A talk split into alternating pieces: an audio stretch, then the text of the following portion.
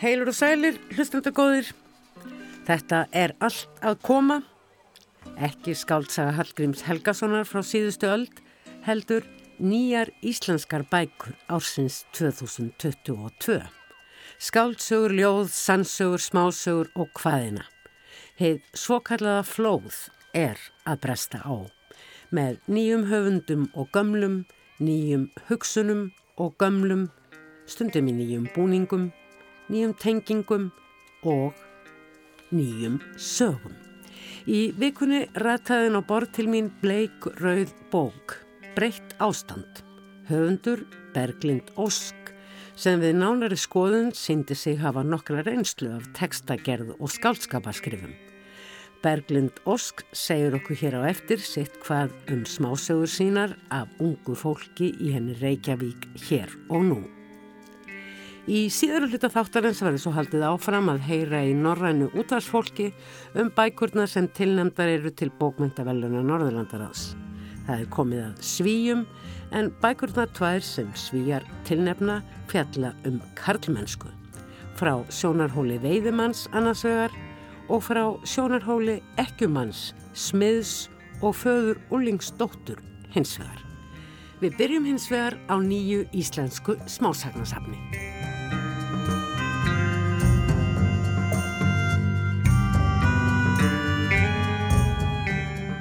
Nýlega kom upp í hendur mér rauðbleik bók, hönnuð af hennum annálaða bókahönnuði Ragnari Helga Ólafsinni, rittufundi.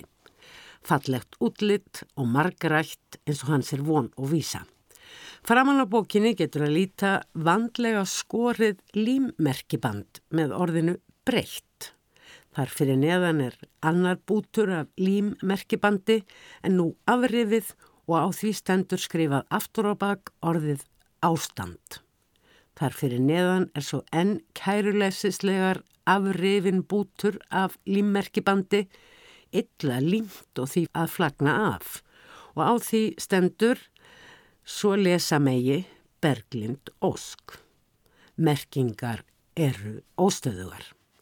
Reyndar er svo enn þar fyrir neðan á kápu bókarinnar er ritað kvítum smáum bókstöfum tilvitnun í Bergþóru Snæbjörnsdóttur ritöfund. Og tilvitnun hljóma svo. Einn sterkasta frumraun sem ég hef komist í. Er það ekki góð ástæða til að hefja lestur? Hér er á ferðinni smásagnasafn, 19 sögurnánar tiltekið flestar stuttar. Fyrsta sagan heitir Gamláskvöld, all nöturlega lítil saga um litla stúlku, fullorna vissulega, en ennþá svo unga og óreinda. Hún er skindilega lengt með gaur sem allir virða og dá vikjaða minnstakost úr vegi þegar hann byrtist, svo hann fær alltaf forgang inn á bestu staðina. Hann á líka alltaf kók, kúlu, allsælu eða í pípu. Stúlkunni finnst Víman góð, hrós hans og allot einnig. Hún fylgir honum. Eins og hundur. Svo kemur gamláskvöld. Í partíi hittur hún gamla skólasistur og vinkonu, drekkur áfengi ofan í výmukúlutnar, veit ekki hvar hún er þegar hún vaknar, treysti sér ekki til að horfast í augu við foreldra sína á nýju ári. Ringir í hann, hvern annan.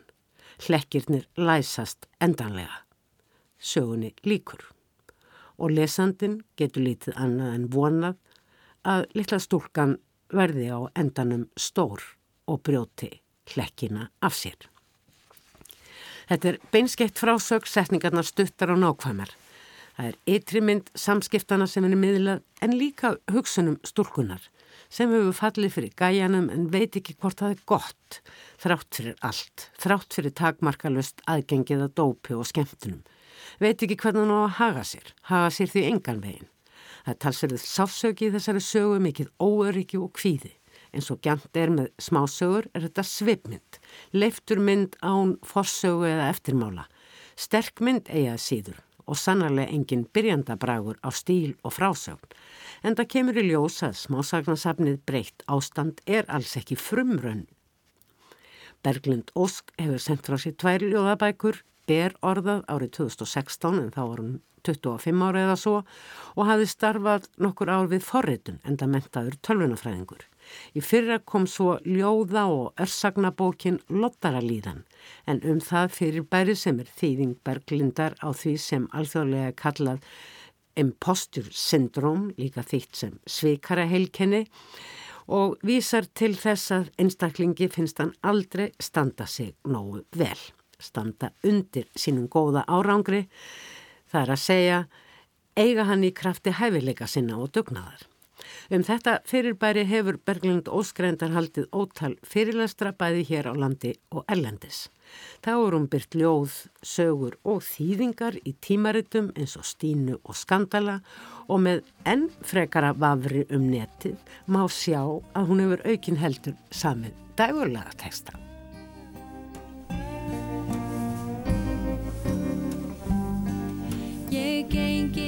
Hef svo lengi langan grítan veg til þess eins að verða svo sem ég er. En loksins er ég orðin heitla vænleg og tilbúin er fyrir líf mitt með þér. Berglind Ósk Bergstóttir, þessi diskur með lögum eftir Ásker Áskersson við texta eftir þig eða öfugt og eru þessi lögflutta Guðljóðuröfn Ólastóttur og að ég held hljómsveitinni Huld. Já, um mitt. Já. Það er svona bara þetta lag sem er með texta eftir mig, sko. Svo er þetta sem sagt, uh, Ímsir textahöfundar. já, ljó, ljóða höfundar. Ég skil, ég gömgæði þetta greinilega ekki alveg nógu vel. En hvernig finnst þér að heyra þetta núna? Þetta er jú, þetta er diskur sem kom út hvað 2009 ef ég maður rétt. Já, það geti verið. það er um mitt, já. Mér finnst að heyra þetta núna, er mjög langt séðan ég hlusta á þetta. Í þessum textabróti sem við heyrðum í anda dagulags hefur Ástin Sigra, allt er gott eftir langan grítan veg sem ljóðmælandi hefur gengið til að verða svo sem hún er. Í þessari bók hins vegar, breytt ástand, er, er stórgritt vegferð og áleitin hugsunin undirliggjandi stöðut hvernig get ég verið viss, hvernig get ég orðið hamingjusum.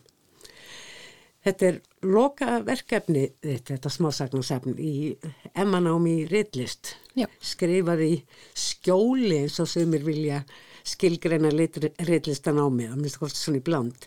Segðu mér frá aðdraganda þess að þetta varð loka verkefnið þitt. Settustu niður anspænis óskrifuðu blaði?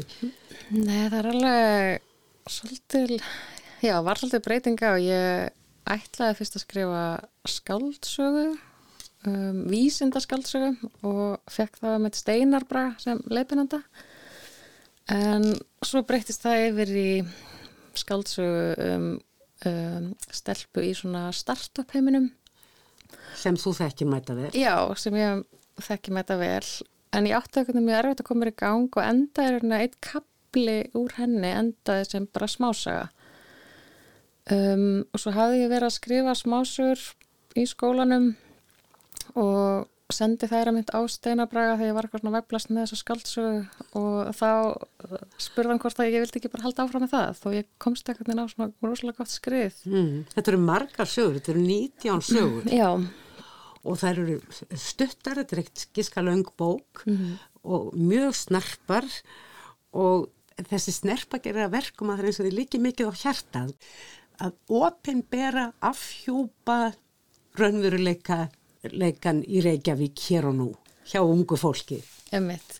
Þú veist, já, ég skal alveg viðkynna að sumar sögurnar eru byggðar á einreynslu og þá kannski svona tók ég eitthvað, veist, eina sterka minningu sem ég átti eitt atvik og þú veist, skaldlega, þú veist, sprengt upp sumt, þjappaði öðru um, og þannig voru ég á nokkra sögurnar til, sko. Svo einhvern veginn held ég áfram að mitt einhvern veginn svolítið af þeim krafti að taka, eins og þú segir, bara svona, svona liftur. Það finna er hins vegar þegar eftir því sem að líður á bókina að þá eldast personurnar. Ég veit ekki hvort hún er endilega al yngst, svo sem segir frá í fyrstu sögunni, eh, gamla áskvöldi, en svo sem er í síðustu sögun, hún er augljóslega elst. Og það er sagan eh, handan við leirbrúnu fjöllin. Já, um veit. Er það yngstast? Nei, það... Um, Hvernig eru þessar sögur til og var þetta svona mikið verkefni í lokin einmitt að, að finna sögunum svona röð í einhvers konar boga? Já, það er nefnilega alveg helgarna verkefni að ná að raða þeim rétt eða svona sem best upp og, og ég tók þá ákverðunni á emmitt eins og þú segir að það eru svona eldast hægt og rólegra og kannski svona aðeins meira að finna frið svo eru svona nokkri stílar samt og svona kannski efni líka svona 2-3 sem ég var að vinna með þú veist það er kannski emmitt þessi yngri svona djamsögur, ungt fólk að reyna að finna sig. Rosalega mikið að dópu og vínu Já, og, þarna, og svo er þetta líka svona aðeins um, eldra fólk og ég vildi samt líka blanda þessu á milli þannig að fólk er kannski ekki of leitt á einu efni þannig að mm. já, það, og ég endur að alveg, alveg nokkru sinnum sko Það er náttúrulega líka svona inn á milli eru bara sko sögur að fólki með báðafættur á, á jörðinni og virt og, og, og frjótt og, mm -hmm. og það sem verður jafnvel raunveruleg breyting á högum persóna eins og í rætur og dætur. Já, það var að mitt svona, svona já, fjölskyldu saga og mér fannst skemmtilegt að skrifa um þetta svona tengingu á milli kvenlegsins, dætra og mæra og ömmu og Fjölskyldur eru gætnan í bakgrunnin hjá þessu unga fólki og þeir sem er síðan eru eldri eiga, eiga sér oftar en ekki afkomendur. En fjölskyldunar eru það sem oft er kallað á prenti brotnar fjölskyldur. Mm -hmm. Það eru kannski ekkit endilega brotnar, það eru kannski bara óskup venjulegar en það er eiginlega bara tveir, tvenn hjón í sömu sögunni sem að hanga saman. Hérna, Bárður og, og hvað heitir hún Agnes og, og, og Jón og mamminar Elísu Já, ummitt, já, nokkulega það er hann í lokasögunni sko. Já, já. í, í handa við leirnjúkin mm. en jafnvel uh, Kell og hans kona sem eru hefur tekist að láta draumin rætast og eru komin í mhm. flott húsi útkverfi með barnvænum gardi að það gengur ekki upp Nei, það, mér finnst það mitt svo áhugast að taka mitt svona, og segi, kannski svona brotna Ég veit ekki alveg hvernig að lýsa þess að þetta er kannski ekki svona hræðilegar aðstæður Nei, heldur þú veist að gerist að mitt eitthvað og þá brotnar eitthvað innra með fólki og svona kafa aðeins í það sko.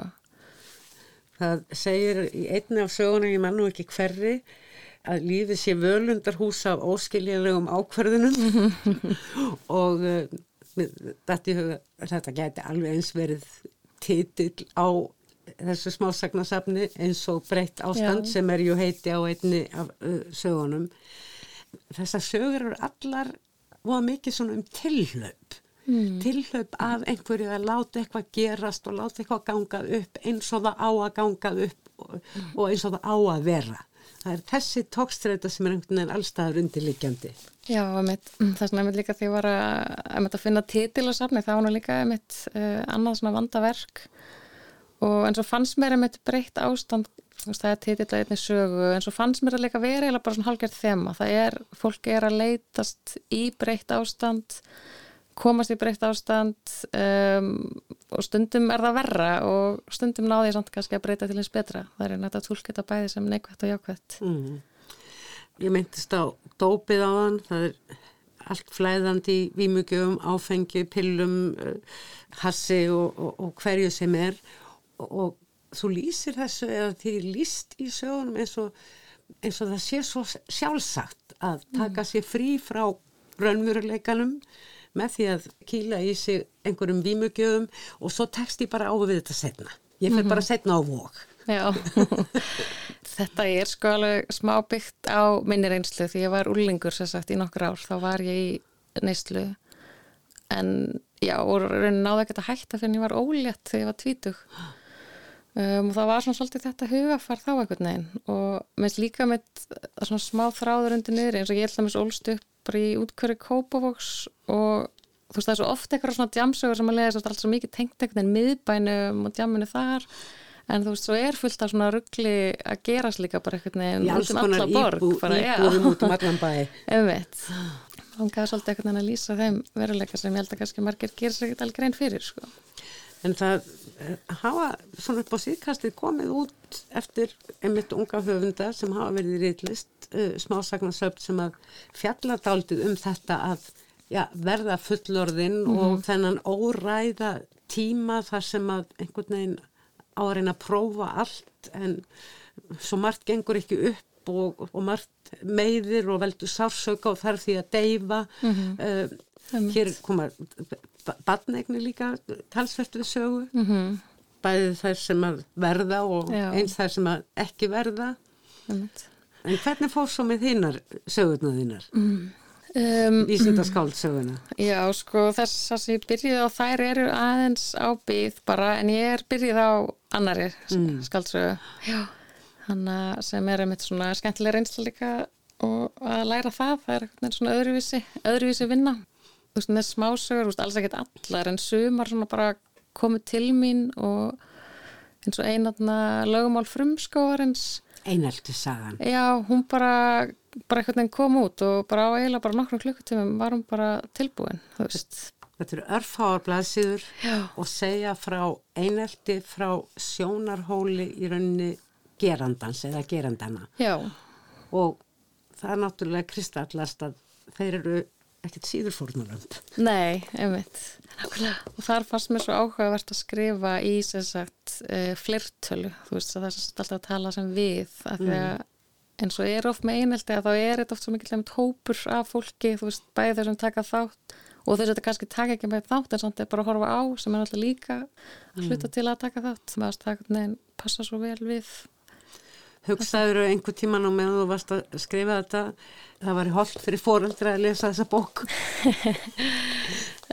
Eða varstu Já. bara í þessum sögu heimi? Já, svolítið sko. Svo var ég nú alveg smá stressu að ég á þess að úlingstrák og hann er enn byrjar að lesa þetta. Þannig að það var líka svolítið aðna, áhugavert að sína honum þetta. En bókin betast líka merki að þú ert svona prófaði áfram með ímisform. Þú myndist á að, að hafa frásagnarmiðjunni í fleirtölu í eineltissögunni, frumskóðalögumálið og þetta eru yfirleitt konur og ímist í fyrstu personu eða þriðju personu.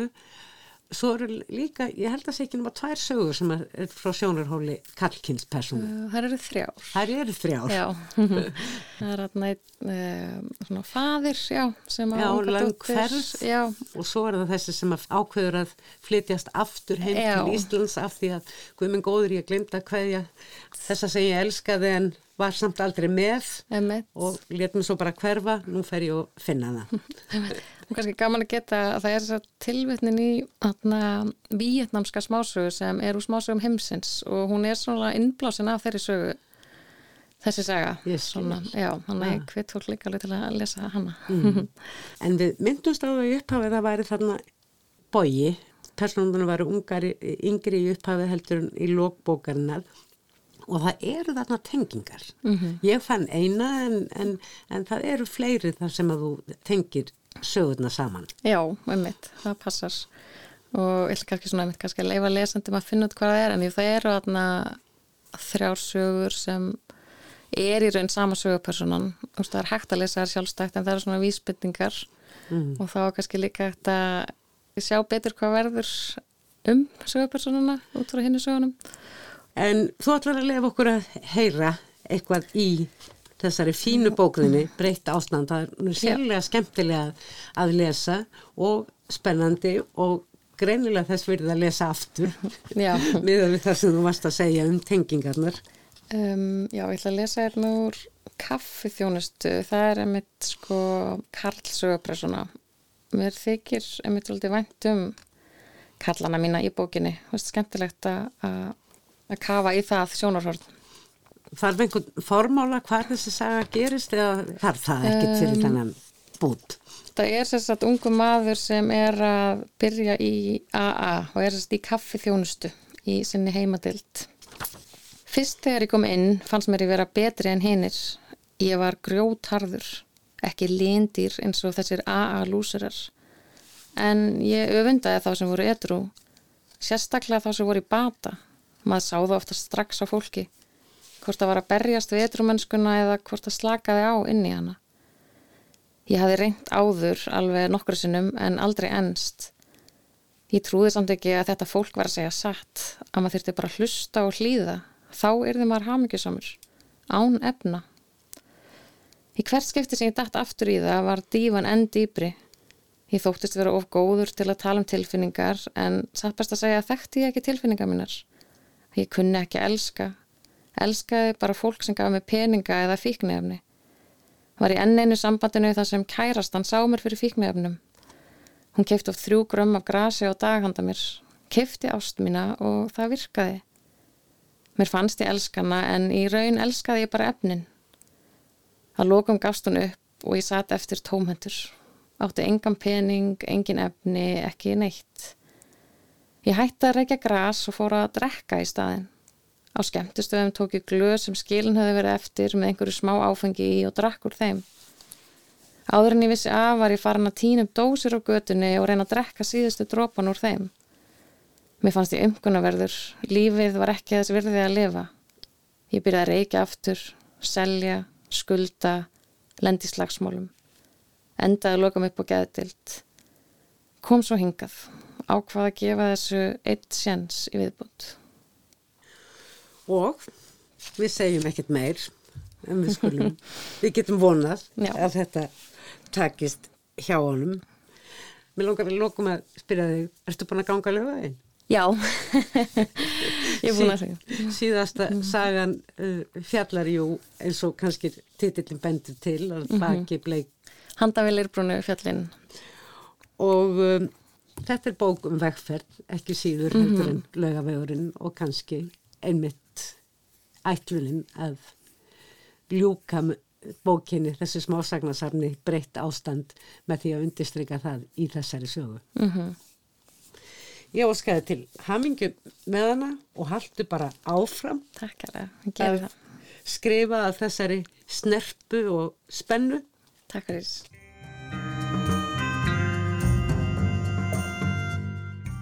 Það er komið að því að kynnast bókunum tveimur sem svíjar tilnefna til bókmentaveluna Norðurlandaráðs árið 2022.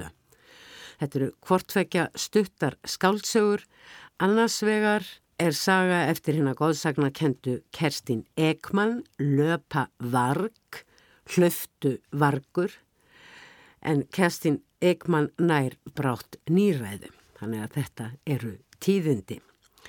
Hún sendi frá sér sína fyrstu bók, Leinlörglusöguna 30 metra morð árið 1959 og hefur síðan sendt frá sér einar 40 bækur, skáldsögur, reitgerðarsöfn og að minnstakosti eina ljóðsögu auk þess sem hún hefur skrifað libretto fyrir óperu, kvikmyndahandrit og fleira. Hinn bókin sem svíjar tilnefna, hinn stutta skáldsagan heitir Den dagen, den sorgen. Sá dagur Sú sorg er þriðja bók Jespers Lassons fyrir bækur hans tvær, annars vegar smásagnasafnið Snö Tórer, Snjór Tár, kom út árið 2003 og skáltsagan Hundarna eða Hundarnir árið 2007. Báðar þessar bækur fengu ágæta dóma en vöktu litla almenna aðtikli. Í fyrra kom svo skáldsagan sem nú er tilnemd út og með henni náði Larsson í gegn og fekk sænsku útvarsvælunin fyrir sem bók Kerstinar Ekman var einnig tilnemd til. Báðar þessar bækur fjalla um roskna karla sem horfast í augu við lífsitt, ekki síst sína eigin karlmennsku og þegar ég ringdi í sænsku dagsargerðarkonuna Línu Kalmteik á dögunum spurði ég hvort karlmennskan væri í fyrirúmi í sænskum bókmentum nú um stundir. Línu Kalmtek var skemmt við spurninguna og viðurkendi að á síðustu árum hefði vissulega verið talsvert fjallað um karlmennsku i sænskum bókmentum. Þessar bækur nálguðust efnið hins vegar með nýjum hætti og med ákveðnum briljans. Spännande fråga. Jag vet inte om det här är ett ämne, hur mycket, hur mycket det hanteras i andra böcker i Norden. Men, men det är ju en slump att det har blivit just de här. Vi har haft en hel del böcker som har diskuterat manlighet på senare år. Det här är, tycker jag då, att de gör det lite på ett nytt sätt och så med en sån briljans. Kanski rétt að Lína Kalmtek fái að kynna sig. Jag heter alltså Lina Kalmteg. Jag är litteraturredaktör eh, kritiker, reporter, producent på kulturredaktionen. På Lína vinnur við reittstjórn bókmyndaþátta á Rás 1, sænska útvarsinn sem þeir kalla P1. Hún er líka gaggrinandi og hefur síðustu árið verið í domnend sænsku útvarsbókmyndavelunarna. Och just de här böckerna var faktiskt två av de nominerade som vi diskuterade då i våras. Og eins og áður kom fram þá voru báðar þessar bækur sem að nú skal rætt um í vor tilnemdar til þessara veluna. Den dagen, den sorgin, fekk svo velunin. Við byrjuðum eiga síður á að ræða bók Kerstinar Eikmann. Þar sem mér finnst eins og titillin í samspili við kápumyndina gefi sitt hvað til kynna. Framan á bókinu er sem sagt portrætt af Ulfi, ef svo má orði komast þar að segja dýrinu. Ulfurinn horfur beint í augu lesandans eða skoðandans og eins og segir hlöftu vargur, löpa varg. Þannig að maður spyr sig hver er hinn eiginlegi vargur í þessari skáltsögu. Lína Kamtek svarar með því að fara beint inn í söguna. Vargurinn sé Úlfurinn sem skindilega horfi í augun á aðalpersonu Úlf Norstík þar sem hann situr út á veröndinu við marsipan grænan húsvagnsinn. Jo, vargen är den varg som huvudpersonen Ulf Norrstig, som är då berättare i boken, ser ganska i inledningen av boken. Han sitter vid sin Úlf Norstedt er vanur veiðmaður og hefur um æfina skotið tugi varga. En þessi er öðruvísi og fær hann til að staldra við íhuga ígrunda lífsitt, segir Lína Kalmtek, sem gerir að verkum að þeir fylgjast að í gegnum alla bókina i det här mötet med vargen. Och sen får, blir den här vargen en figur som fortsätter finns genom boken. Aðal persóna bókarinnar Löpa Varg ber sem sagt til tákgræna nafn Ulf Norstík og hann hefur frá unga aldri skotið dýr vegna þess að það hefur stöðusturtar hriðja burt skói, skerða heimkynni Ulfana til að skapa rými til ræktunar og eða vegna einhvers konar yðnaðar. Hvor er í meira rétti? Hinn tvífætti maður með bissuna eða hinn ferfætti ulfur í sínum náttúrulegu heimkinum. Í þessari ójöfnu störukeppni rýs spennandi frásögn Kerstinar Ekman sem endur speiklast inni á heimili Úlfs Norstíks í samskiptunum við eiginkonuna Inge. Þau hafa þraukað lengi, eignast börn og eiga nú barnabörn. Enga dóttirinn er læknir og vinnur með læknum án landamæra. Hinnur öldruðu foreldrar virðast fátt hafa lengur að gefa afkomdum sínum annað en villibráð þá sjaldan tími gefst til heimsókna og eða kökur og kleinur með kaffinu. Þetta er nefnilega líka saga um gang lífsins. Fólk eldist og afstæða þess breytist. Verkefnin sem áður fylgtu dægin er ekki lengur fyrir hendi. Hvað gerir veiðimaður dægin langan heima í eldhúsi? Mér finnst að þú ættir að gera eitthvað. Ég fæ ekki einu svona móka stígana. Ég á við, þú þarfst að gefa huganum eitthvað að fást við. Þú gæti til dæmis skoðað veiðidagbækurna þínar. Hvað í andskotanum ætti maður að fara að lesa um alla sem maður drap fyrir löngu síðan? Hún þagði góða stund, svo sagði hún. Alla? Ég vissi ekki hvað hann var að meina svo ég þagði. Áður hefur þau sagt allt. Þegar hún var horfin inn í eldhúsið satt ég og snýri orðumennar í huga mér. Þetta var rétt hjá henni. Það var mikill munar á því að segja alla sem maður hefur drepið eða allt sem maður hefur drepið. Allt sem maður hefur skotið væri réttast. Hafðu herrmennir í stríðinu sagt allt sem þeir hafðu skotið eða bygguð þeir enni vir þeirri mennsku að segja alla sem þeir hefðu drepið. Þú þarft að gera eitthvað sagði Inge þegar hún kom inn aftur með vaskonnuna til að gefa Benjamin fíkusnum nákvæmlega rétta magnið fyrir vetrardvalan. Hún virtist segja eitthvað sem ég heyrði ekki þegar hún heldi vatninu. Ger eitthvað við veiðidagbækurnar.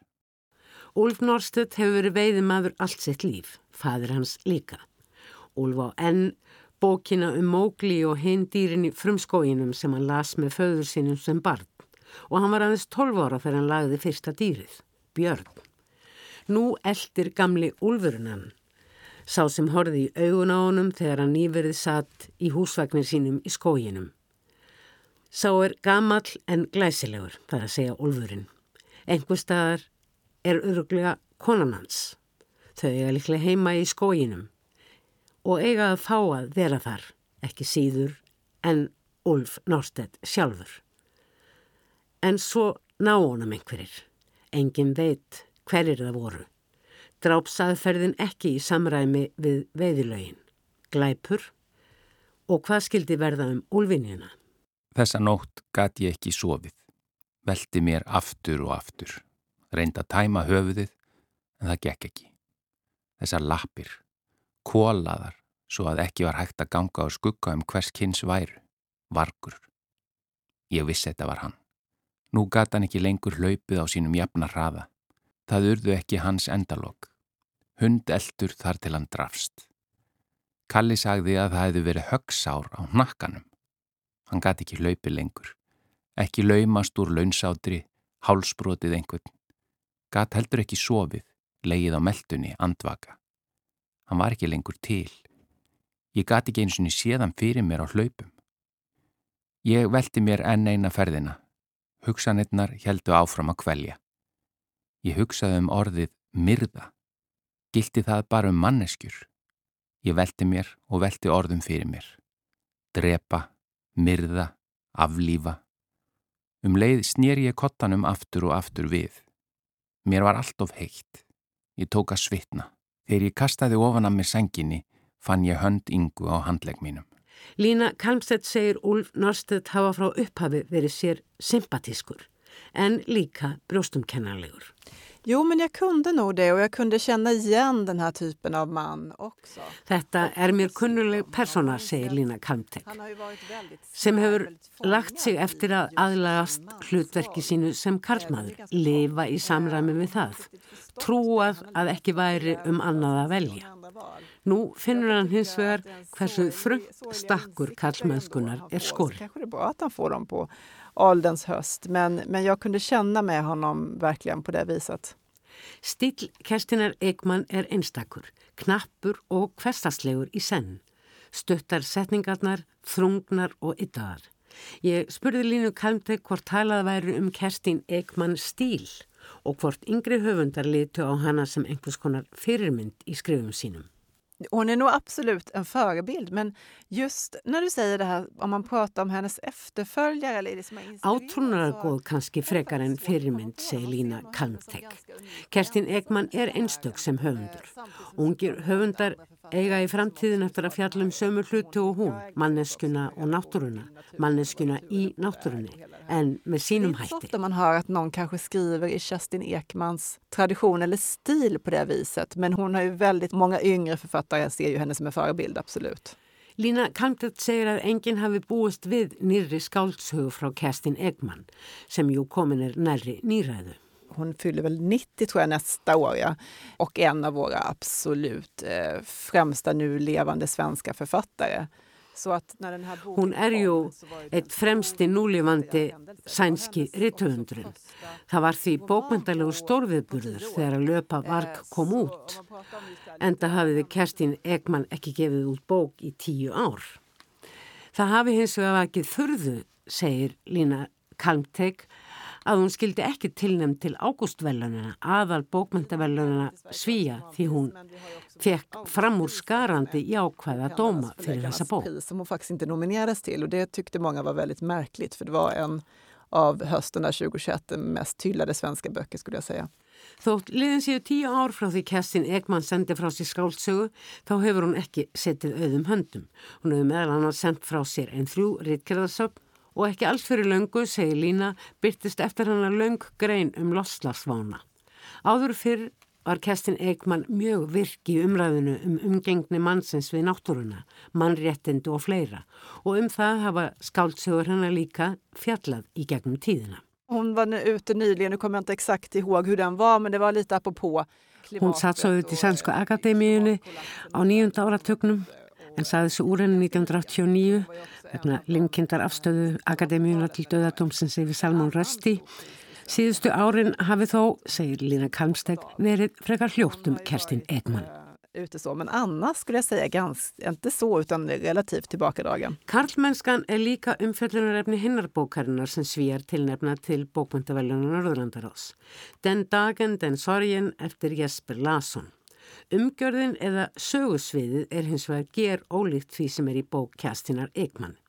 Í bók Larsons er sögusviðið Borgin, hið manngerða, samfélagslega skipurlag og stigveldi sem endur speklast einnig í kápumyndinni. Ljósmynd þar sem hort er inn eftir víðu röri fyrir endanum flatmagar ung stúlka og verðist horfa út yfir teiknað landslag, láreistra og fátækleira húsa. Lína Kalmtek tekur undir þessi orð en segir þessa sín inn í rörið ekki síður endur spekla lestrar upplifun bókarinnar. Inni lókununa þegar höfundur teimir lesendu sína bengt inn í þrönga sín aðalpersonar bengt. Det är ju också en känsla av hur det är att läsa den här romanen skulle jag säga. Man går ju lite in, den är ju väldigt klaustrofobisk, man går rakt in i den här Bengt. Og lesandin sleppur ekki út úr rörinu, segir Lína Kalmtek. Verður að meðtaka fordóma Bengt som minnumáttakent hans. Bengt er smiður. Hann er ekki mentaður og finnir sig ekki í nýjum aðstæðum einstæðs föður úlings stúlku. Móðurinn látin fyrir nokkrum árum. Bengt ræður ekki við verkefni verði stöðugt óbylgjarnar í gardótturinnar. Hún hefur sveikið hann, föðurinn. Þótt líka megi segja að hann hafi svikið hana, segir Lína Kalmtek. Hún lætur sig hverfa, skilur föðurinn eftir með spurningar sínar.